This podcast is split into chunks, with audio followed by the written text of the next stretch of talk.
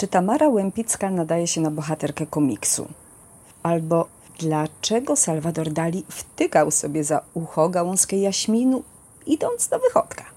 Lub też, co było pierwszą rzeczą, jaką zobaczył Marc Chagall zaraz po urodzeniu?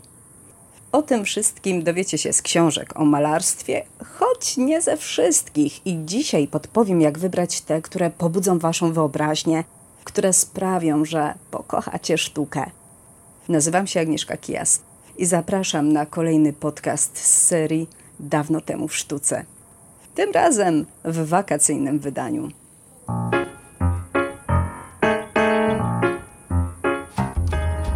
Jak wybierać ciekawe książki o malarstwie? Zaprasza Agnieszka Kijas.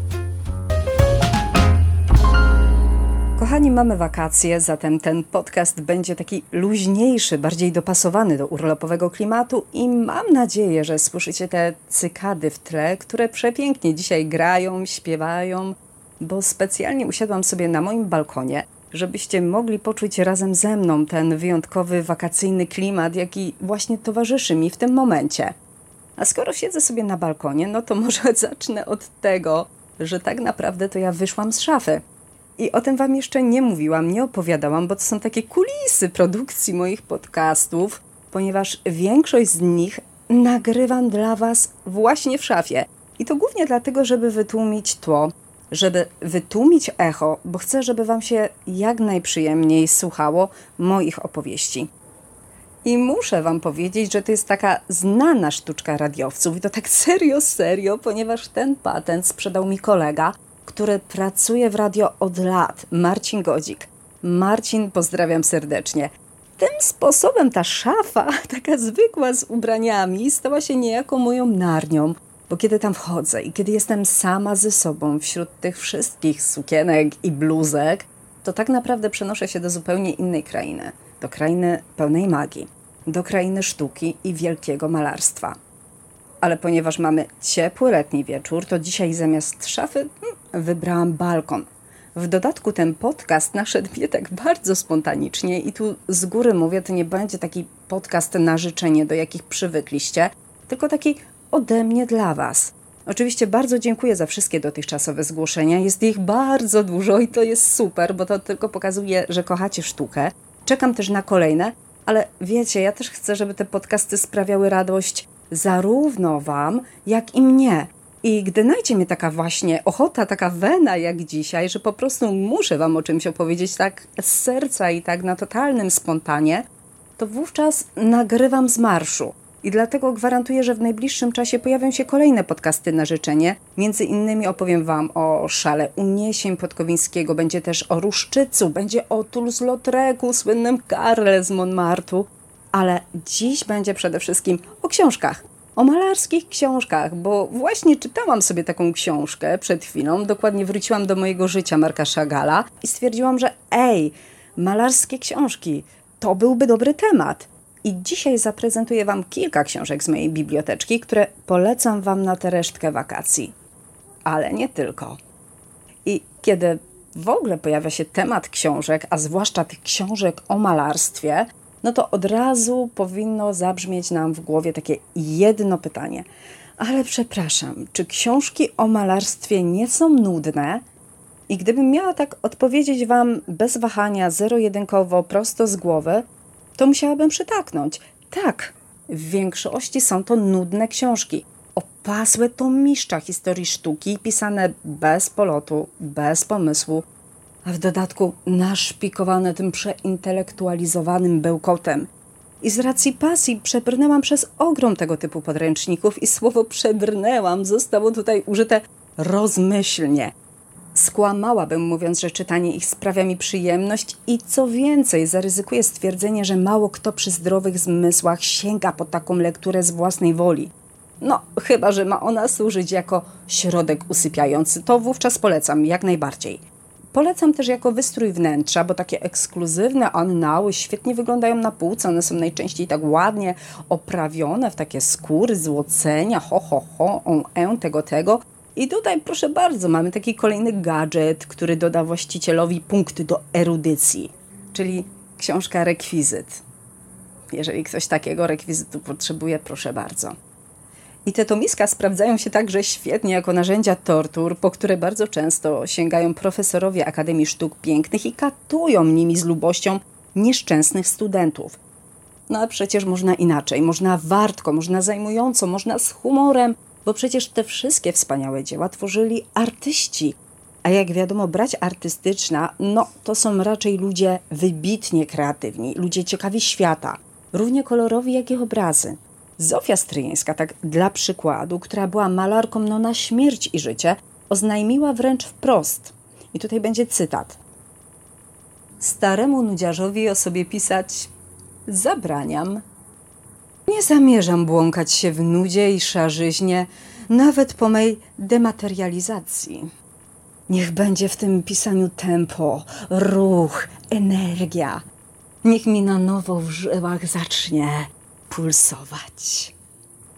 I myślę, że biografia stryjeńska diabli nadali, jaką napisała Angelika Kuźniak, spełnia te wszystkie warunki.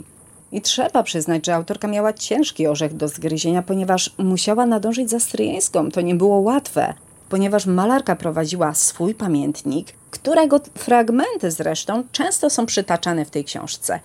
I wierzcie mi, że nie są to grzeczne pamiętniczki pensjonarki, a brawurowe, pełne dowcipu i celnych ripost przemyślenia nietuzinkowej kobiety. Stryńska dosłownie chlasta językiem.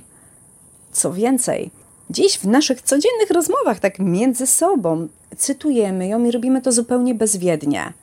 Na przykład, głupi mówi co wie, a mądry wie co mówi, albo dzień przepędzę samotnie, bo miło jest pobyć z kimś inteligentnym – to czysta stryjeńska. Warto poznać jej historię, bo jest to historia bardzo, bardzo żywa, bujna, barwna. Właśnie taka, od której zaczyna pulsować krew w żyłach. I warto sięgnąć także po inne książki Angeliki Kuźniak. Pisarka ma dar do tworzenia fantastycznych biografii i głównie dlatego, że sama jest reporterką. Myślę, że tutaj dochodzimy do sedna, bo Paradoksalnie przy wyborze biografii nie powinniśmy kierować się wyłącznie postacią, o której chcemy przeczytać. Przed zakupem warto poświęcić jest kilka chwil, by sprawdzić po prostu, kim jest autor. Jeżeli lubimy taki wartki styl, to wybierzmy dziennikarza. Jeżeli wolimy z kolei takie naukowe opracowanie, niech to będzie profesor historii sztuki. Przykładowo, książek o Picassie powstało mnóstwo, ale ja Wam polecę tę, którą napisał Henry Giddel – jest on cenionym teatrologiem, jest on autorem wielu biografii i wnioski w tej sytuacji nasuwają się same.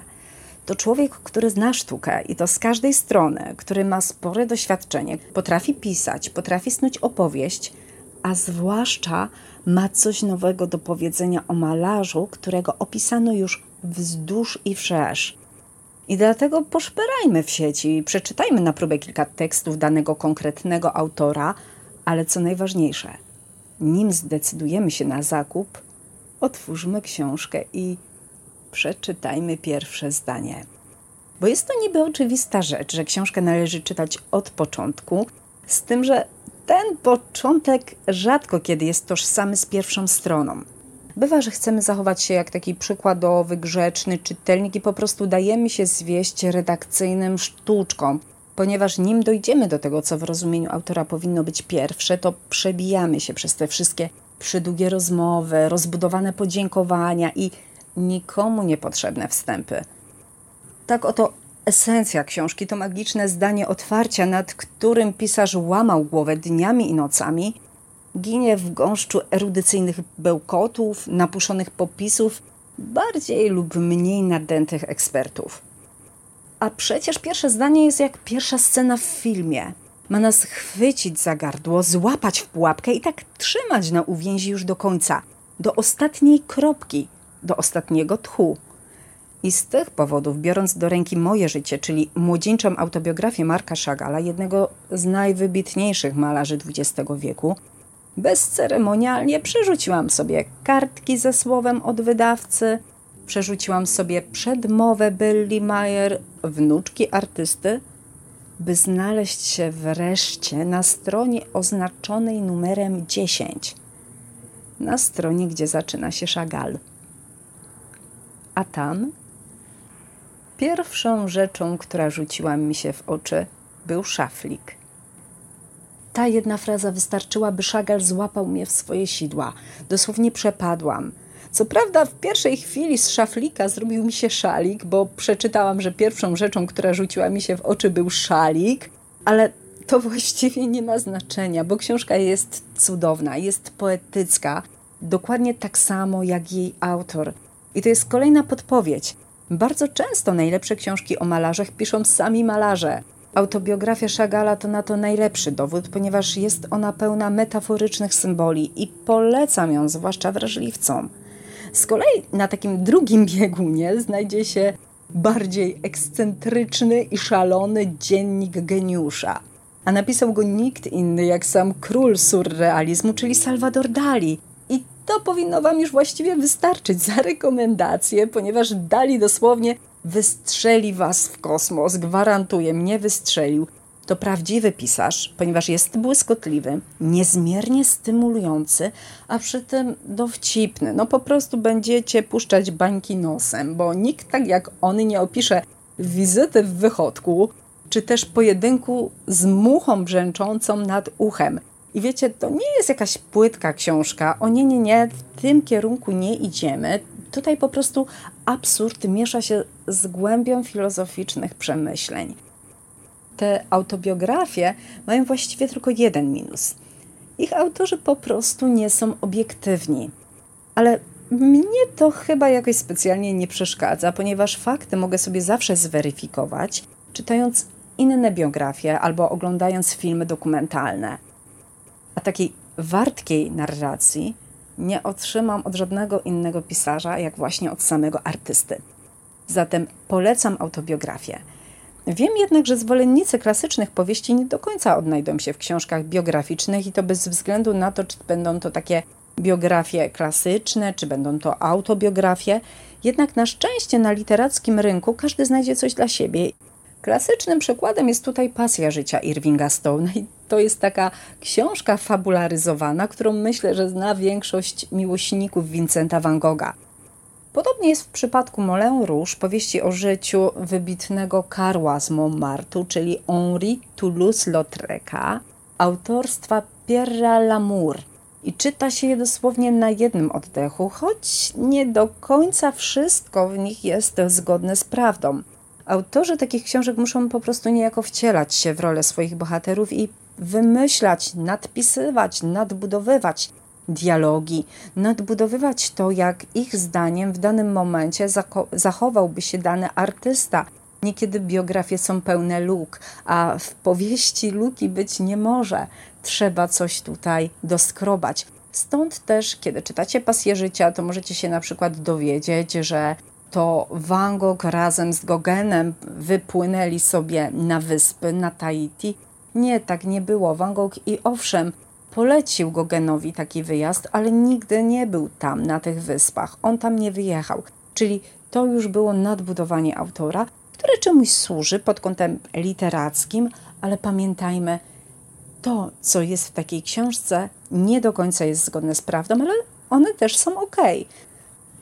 A już na zupełny koniec zostawiłam sobie istną perełkę, bo chciałam Wam powiedzieć o Tamarze Łępickiej. Tamara Łępicka to jest szalona ikona lat dwudziestych, królowa mody, szyku, baronowa, która słynęła z wielu ekstrawaganckich wybryków i numerów.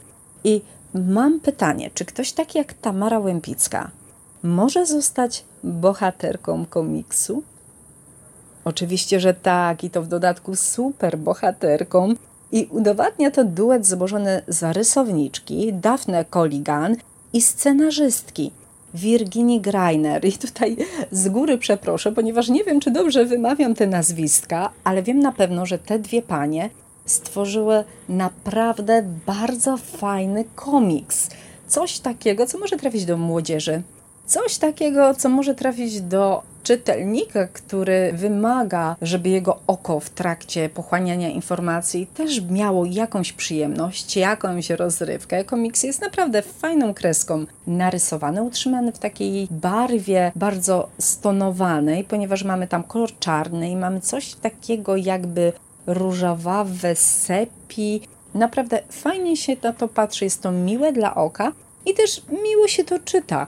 Oczywiście ten komiks traktuje życie artystki bardzo naskórkowo. No nie należy się tutaj spodziewać, że my dostaniemy jakąś poważną i potężną biografię, ale niesie ze sobą coś, co sama jako pisarka i jako czytelniczka bardzo cenię w literaturze. Rozrywkę. I tego Wam, kochani, życzę, żebyście się jeszcze w te ostatnie dni wakacji trochę rozerwali, czytając fajne książki. Jeżeli będą to książki o malarstwie, jeżeli to będą książki o malarstwie, które Wam poleciłam, to będzie mi tym bardziej miło. Natomiast na dzisiaj już będę się z Wami żegnać. Mam nadzieję, że grały Wam przez cały czas słuchania mojej opowieści cykady, bo naprawdę wow! Niebo, gwiazdy, cykady, ciepła letnia noc i muzyka. Zostawię Was jeszcze w świecie dźwięków Haniderej, która gra specjalnie dla Was. Zgłoszenia do malarskich audycji wysyłajcie mi na mój facebookowy fanpage dawno temu w sztuce. A teraz już się z Wami żegnam. Do usłyszenia.